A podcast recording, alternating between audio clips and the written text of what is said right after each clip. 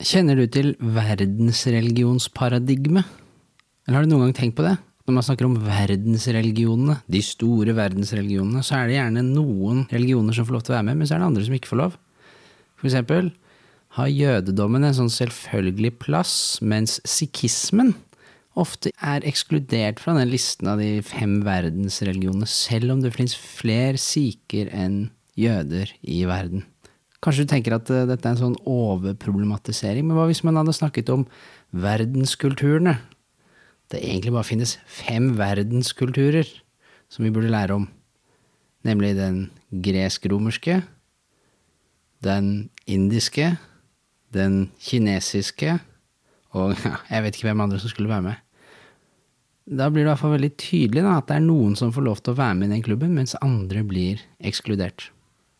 Og sånn er det også med disse såkalte verdensreligionene. Og forskere er egentlig ikke enige om hvem som hører hjemme der, og hva som er kriteriene for å bli med. Religionsvitenskapen har jo kritisert verdensreligionsparadigmet lenge. Det er veldig mange ting som er problematisk med det. Det er jo mye religion som ikke, ikke kan favnes eh, av den modellen. Når religionsvitere etterspør et fag i skolen som kanskje bygger på noen religionsvitenskapelige prinsipper, så betyr jo ikke det at vi vil ha et mini-religionsvitenskap i skolen. Altså Skolen er noe annet. Og da er ofte kritikken det kommer til å bli så kjedelig. Det, åh, hva slags fag skal det bli? Men hvorfor er det så kjedelig? Det skjønner ikke jeg. Hva er kjedelig med det? Det er jo kjempegøy.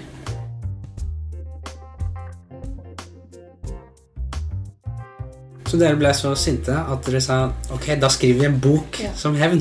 Ja, det var egentlig sånn.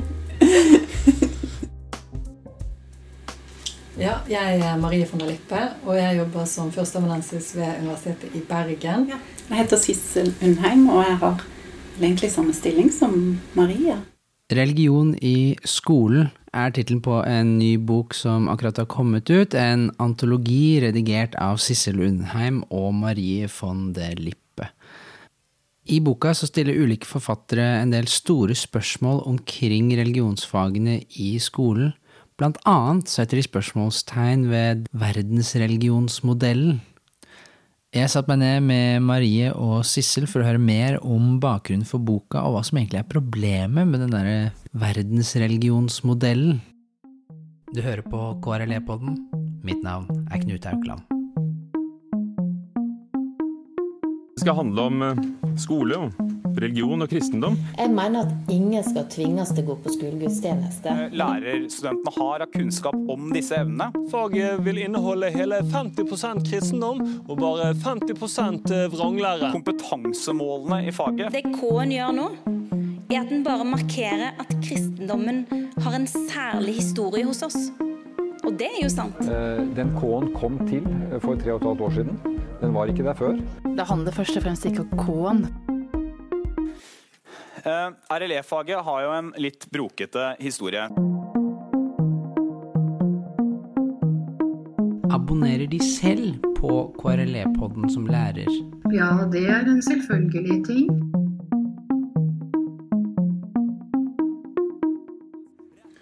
Kan vi da, kanskje kan vi snakke litt om denne boka, 'Religion i skolen'? Bakgrunnen for den eh, boka? Gratulerer med bok, forresten. Takk. Ja, det begynte jo egentlig med em, et forslag til en endring i det som da em, vi holdt på med dette het RLE. Em, men det kom et politisk forslag om at eh, navnet skulle endres, og det skulle også endres litt på fordelingen av innholdet i faget. Em, og da denne Dette forslaget, det var jo et lovendringsforslag, kom ut på høring, så engasjerte vi fagmiljøet her em, ved Religionsvitenskap i Bergen og em, forsøkte å lage et høringssvar som vi mente vi kunne stå bak. Der vi forklarte hvorfor vi ikke syntes det var så veldig god idé å ja, endre både navn og for så vidt også litt på innholdet i faget. Um, men dette var jo en helt tydelig politisk prosess. Og um, til tross for at både vi og de fleste andre fagmiljøene, så å si alle Både, som- både religionspedagoger og didaktikere? Ja, der var vi veldig enige. Eh, Teologer, religionsvitere. Ja. Bare for å forklare grunnen til at vi ler av dette her, er at vi rett før hadde diskutert denne forskjellen mellom religionspedagogikk og religionsdidaktikk. Det er en egen episode som handler om nettopp det. Ja, ok, tilbake. Det var, det var stor enighet, og hvis man leser de høringssvarene som, som ligger ute på, på departementets hjemmeside, så vil man jo se det at eh, eh, det er vel ingen fagmiljøer som støtter dette forslaget. Eh, men allikevel så gikk det der gjennom, og vi fikk et nytt fag som nå heter KRLE. Og som vi da kanskje syns har en veldig svak faglig forankring. Eh, og når man da tenker på lærerutdanningsinstitusjonene som da utdanner lærere i dette faget, så, så er det jo da påfallende at i hvert fall gjennom disse høringssvarene så har det vært så lite støtte for dette faget. Men, det, men bare for å få det på plass. Endring i navn. K-en kommer inn. Og så ble det da eh, gjort klart at om lag halvparten av tiden skal gå til kristendommen. Mm. Eller hvordan er Ja. formuleringen? Er litt Jo, om lag halvparten ble den endelige formuleringen. Det var litt frem og tilbake. Mens før det, hva het det før det? Nei, det var jo nettopp det at Altså, det ble jo gjort en evaluering av KRL-faget i 2002. Og det man fant ut Det var gjort to store egentlig empiriske eh, evalueringer. Det var det at det var så stor forskjell på hvordan man underviste i faget, og hvordan man vektla ting i faget. Så noen steder så tok jo kristendommen 80 mens den andre steder var nede i 20 Så hvordan skulle man på en måte kunne ha et fag i et i en skole som skal være en enhetsskole, der man skal kunne på en måte få samme innhold i faget uansett hvor du befinner deg i landet. Eh, og da ble det bestemt at man skulle innføre en prosentregel, og den prosentregelen var 55% kristendom. Og når det ble 55% så var det rett og slett et kompromiss, fordi at Arbeiderpartiet mente 50, Kristelig Folkeparti mente 60, for å tydeliggjøre på en måte at det var en majoritetsreligion. Eh, og 55 ble et kompromiss. Og eh, helt sånn pedagogisk sett så var det et veldig dårlig kompromiss, for det er veldig vanskelig å regne med 55 I hvert fall for folk som ikke har studert matematikk. Eh, så det ble jo på en måte bare egentlig komisk at man skulle holde på Ja, okay, men det. Så det betyr at endringen Det fikk en K-en, som er, det ligger tung symbolikk i det. Men den løsna litt på dette med 55, da. Åpner opp for at du kan ha mindre enn 55 Denne omlagen var jo nettopp for å unngå den 55 som man hadde hatt tidligere. Men egentlig så er det jo rykk tilbake igjen til 2002. Mm. Det er jo det 2015-endringen Mm. egentlig er. For det er ingen endring i fagplanen fra 2005. Selv læreplanen i 2008 er jo identisk med læreplanen fra 2005. Så den læreplanen som vi har i dag i 2017, er jo så å si den samme som vi hadde i 2005. Eh, Men den har vært via en navneendring i 2008, en endring av formål i 2008, og en endring av navn og formål og innholds i 2015.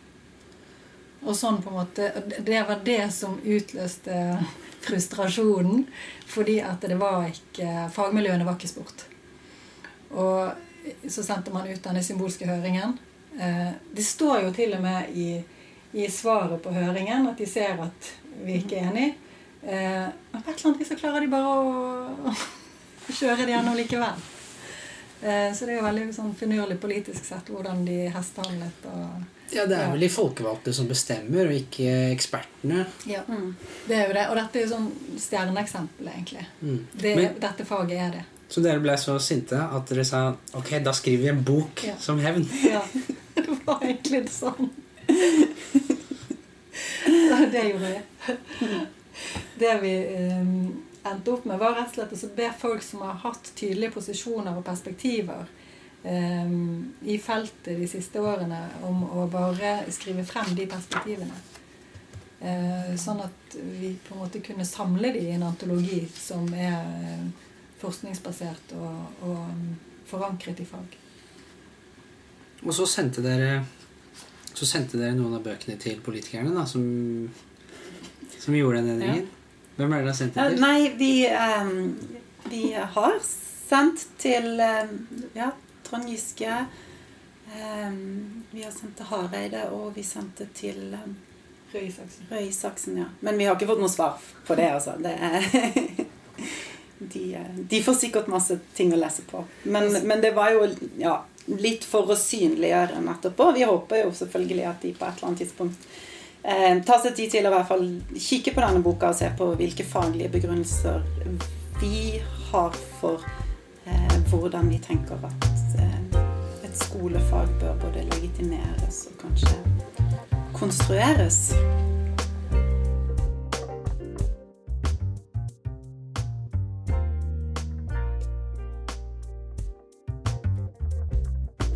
Eh, Denne kritikken av verdensreligionsmodellen som eh, flere av forfatterne mener ligger som et sånn altfor rigid rammeverk for skolefaget i dag, og at det i veldig liten grad samsvarer med den religiøsiteten som vi ser eh, empirisk når vi studerer dette empirisk, både historisk og samtidsmessig. Kan du si, Hva er verdensreligionsmodellen?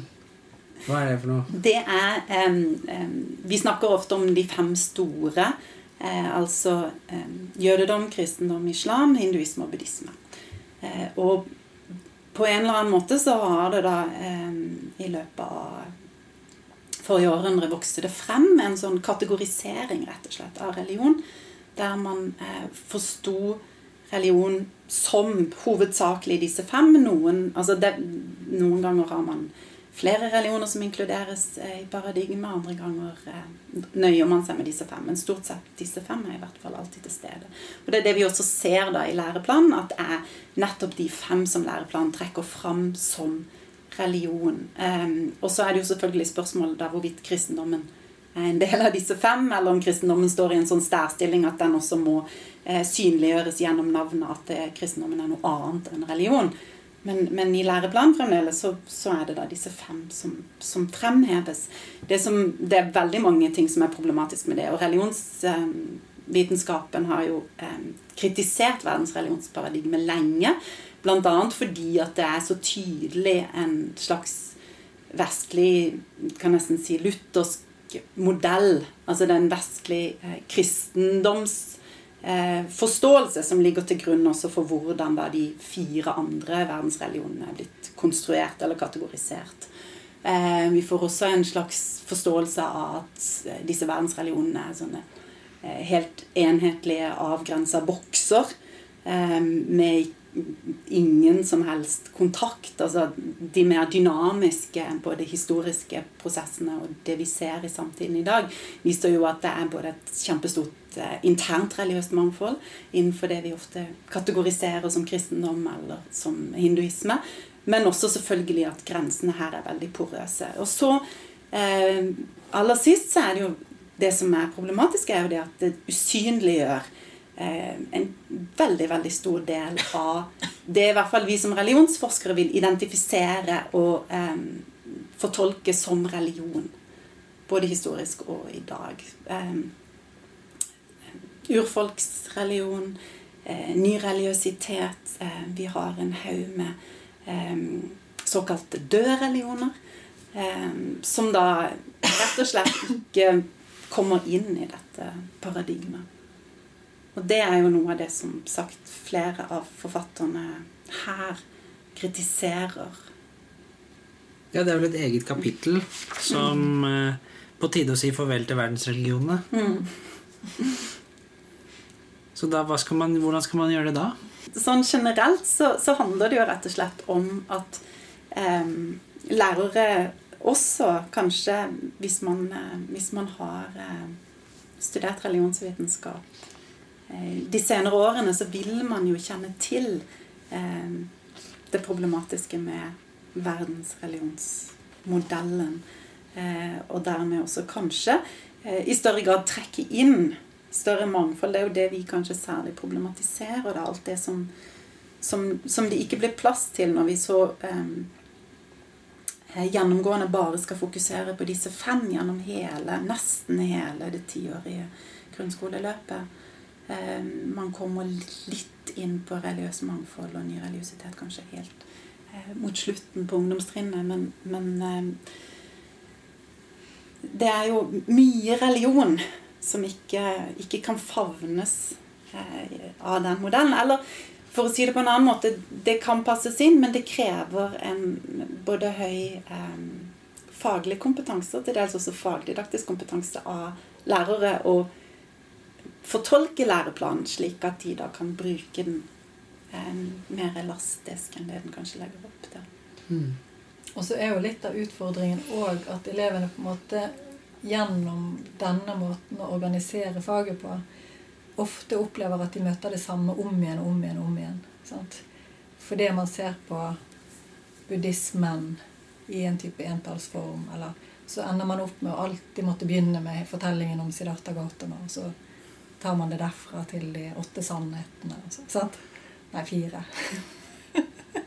og så går det på en måte igjen på mellomtrinnet, på ungdomstrinnet, og så kommer man på videregående, og så begynner man der. Enda en gang. Istedenfor på en måte å vise religion som noe mer mangfoldig og mangslungent, kanskje. Mm. Jeg må jo understreke også selvfølgelig hvis vi ser helt klart de pedagogiske fordelene av å organisere det sånn. Um, altså det er lettere å lære hvis du har på en måte ok, det er disse fem og det er disse kategoriene.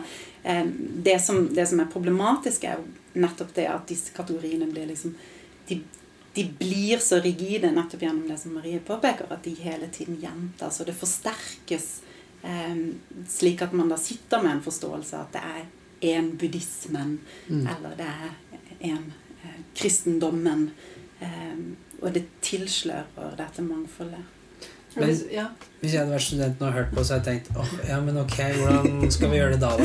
Ja, ja, det skjønner jeg veldig godt. Hva er alternativet da?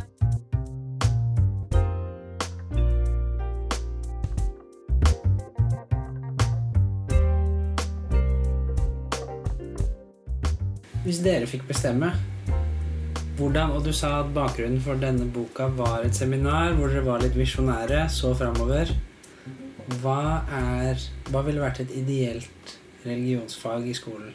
Ville vært et eget fag? Ja. Ja, det ville det. Eh, men det ville nok Nå snakker jeg på vegne av meg selv. Det har vært mye tydeligere fundert i, i eh, religionsvitenskap som fag. Eh, både de teoretiske perspektivene, men også selvfølgelig fagstoffet. Um, og når jeg snakker religionsvitenskap, så er det jo helt klart at, at jeg lener meg veldig på min egen bakgrunn da, med den typen Slik faget eh, undervises på Universitetet i Oslo og her i Universitetet i Bergen. Uh, jeg kjenner de andre universitetene ikke så godt, men, men jeg vet jo at vi deler teoretiske uh, modellene og perspektivene mye. Sånn at jeg ser for meg at Eh, det må være et fag som også kan gå utover denne verdensreligionsmodellen. Og eh, se på religion i et mye større perspektiv enn det bare den gjør. Eh, og mitt hovedargument her er jo selvfølgelig det at vi, i, som i denne boka er jo det at hvis vi går til populærkulturen og det som faktisk eh, veldig mange unge forholder seg til i dag, så ser vi jo at religion er overalt. Eh, som Ingvild Gillhus og Lisbeth Michaelsson påpeker. Men kanskje på andre måter enn det vi tror, eller det vi forventer å finne. Og dermed så må vi også eh, Hvis vi ikke tenker på de greske gudene eller norrøne mytologien som religion, så, så, mener i hvert fall jeg at vi, eh, vi får et altfor snevert religionsbegrep eh, å operere med i dette faget. Vi kan gå til det kapittelet etterpå, men kan du, liksom, kan du si sånn Hva heter faget? Hvordan ser læreboka ut? Eh, læreboka for, for grunnskoleelevene, sier du. Det vil jo selvfølgelig være også veldig avhengig av Jeg tenker at det, du må tenke ulikt på småtrinnet, mellomtrinnet og ungdomstrinnet. Jeg, jeg vil jo tenke et fag som også har en progresjon, selvfølgelig. Det har det i dag. Um, men kanskje en annen organisering som gjør det mulig å ja, sprenge de altfor snevre rammene som jeg opplever at læreplanen legger Så kunne man f.eks. brukt eh, Smart sin dimensjonsmodell. Nei. Eller en annen modell. Har du, hatt, har du, et, liksom, har du en konkret idé om hvordan det kunne se ut? Fortellinger. Første år, Nå har vi fortellinger i Mm. to år. Mm. Og så tar vi, kunne det vært noe sånt? Eller, altså, jeg bare spør. Nei, jeg har ikke sett for meg altså, jeg, Nå jobber jo vi veldig spesifikt her mot ungdomstrinn og videregående skoler, så det er klart at det er jo det der min kompetanse er størst. Um, og jeg ville nok vært veldig forsiktig, eller tenkt meg om mange ganger før jeg hadde gått inn med dette på småtrinnet. Um, hvis jeg skulle undervist på småtrinnet selv. Um, jeg liker mange av de lærebøkene som er der i dag. Jeg setter pris på visualiteten i noen av de. Men jeg tenker at det er i hvert fall viktig at de em, greier å balansere Og det er kjempekrevende. Jeg vet at det å skrive lærebøker er ekstremt krevende. Men, men å balansere eh, de sånn rigide rammene med mer, et mer dynamisk religionsbegrep, da. Eh, og der em, vil jeg jo si at altså, det, Hvis jeg husker rett, en av lærebøkene nå for småtrinnet som i det hele tatt tematiserer religion og stiller spørsmålet hva er religion? Jeg syns jo det er en spennende og fin innfallsvinkel. Og det er påfallende at ingen av de andre læreverkene i det hele tatt tematiserer begrepet. Marie, har du, vet du hvordan dette faget Hva vil det hete? Og hvordan vil det se ut? Ja, Det kommer jo nettopp helt an på hvordan altså, Jeg tenker det det er en større samtale enn akkurat dette ene faget. For dette det handler jo om skolen.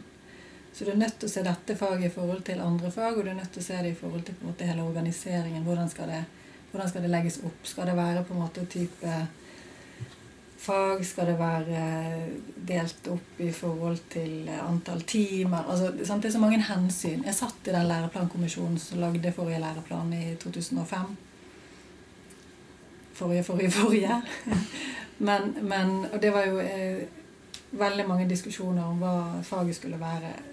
Det er, og vil nok også være, på en måte alltid mange hensyn å ta i et sånt fag. Det ene er det politiske, det andre er på en måte at alle skal kunne kjenne seg igjen. Altså det, det, på en måte, det, det baller alltid sånn på seg når man skal prøve å, å lage noen rammer. Og det er jo litt sånn, altså det paradoksale, kan man si, og det er jo en selvkritikk egentlig òg på mange måter. Det er jo det at vi kritiserer jo dette verdens religionsparadigme opp og ned og i mente. Men hvordan organiserer vi faget her på UiB? Jo, akkurat på samme måten. Sant? Og hva, hva sier det?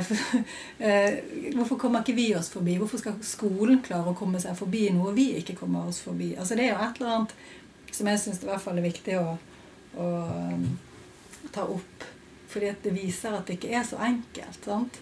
Så kan vi bruke masse tid her på UiB. Vi har jo et helt emne, et teoriemne der dette kan problematiseres. Det har man jo selvfølgelig ikke mulighet for eh, med åtteåringer.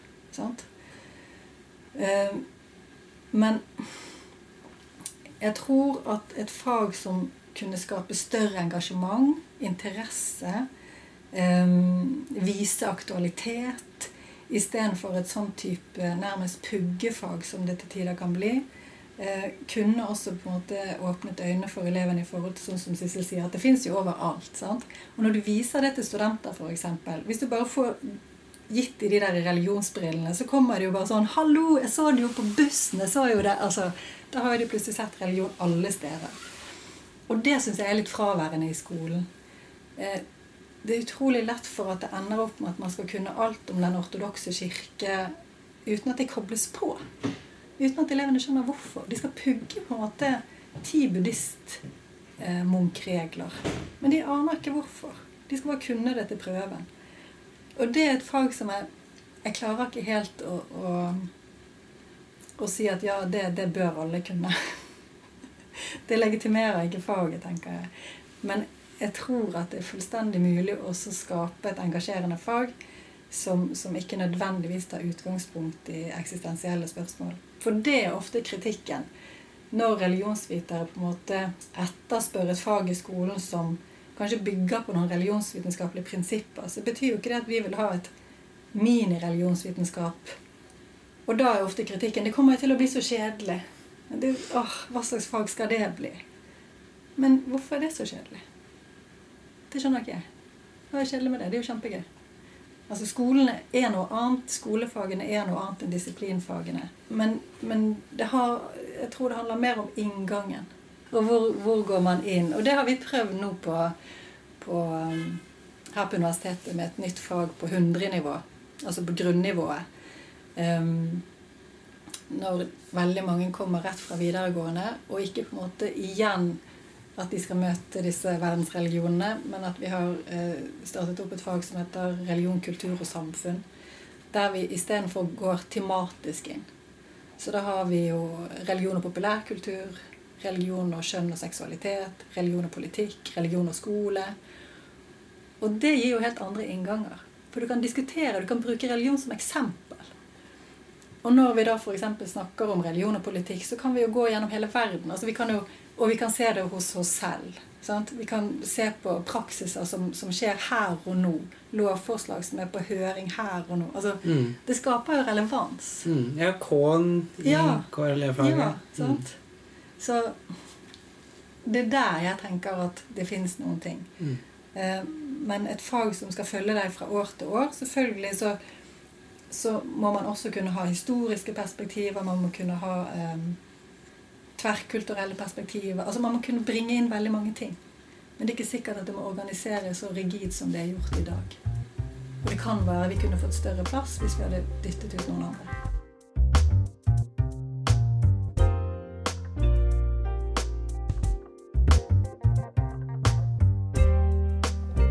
Takk til eh, Sissel og Marie. Boka deres 'Religion i skolen' er tilgjengelig og utgitt på universitetsforlaget.